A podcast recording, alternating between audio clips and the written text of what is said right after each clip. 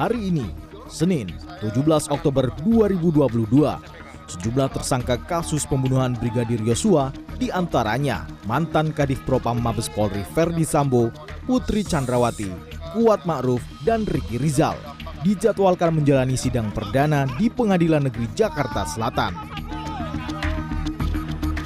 Pejabat Humas Pengadilan Negeri Jakarta Selatan, Juyamto mengimbau masyarakat agar tak hadir ke pengadilan karena Pengadilan Negeri Jakarta Selatan telah menyediakan fasilitas TV Pool yang bisa diakses oleh siapa pun dengan layanan streaming.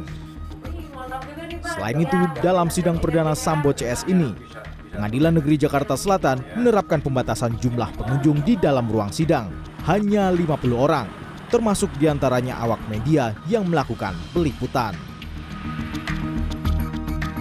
Sidang perkara Brigadir Yosua ini dipimpin oleh Hakim Wahyu Iman Santosa dan Hakim anggota Morgan Simanjuntak, serta Hakim Alimin Ribut Sujono.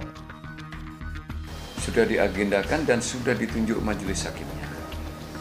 Ferdi Sambu, kemudian Bu Chandrawati, kemudian Kuat Ma'ruf dan dua orang lainnya itu hari Senin tanggal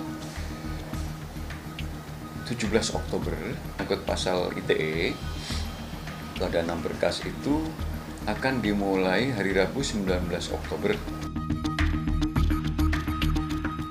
Pimpinan sidang Hakim Wahyu Iman Santosa merupakan wakil ketua Pengadilan Negeri Jakarta Selatan. Ia sebelumnya pernah menangani kasus dugaan korupsi Bupati Mimika. Sementara Hakim Morgan Simanjuntak diketahui pernah menjatuhkan vonis mati dalam kasus kepemilikan narkoba saat ia bertugas di Pengadilan Negeri Medan. Ia juga pernah menangani kasus yang terkait Joko Chandra. Selanjutnya Hakim Alimin Ribut Jono yang pernah menjabat sebagai Kepala Pengadilan Negeri Bantul. Ia juga pernah menjatuhkan vonis mengabulkan pasangan beda agama untuk dicatatkan dalam administrasi negara.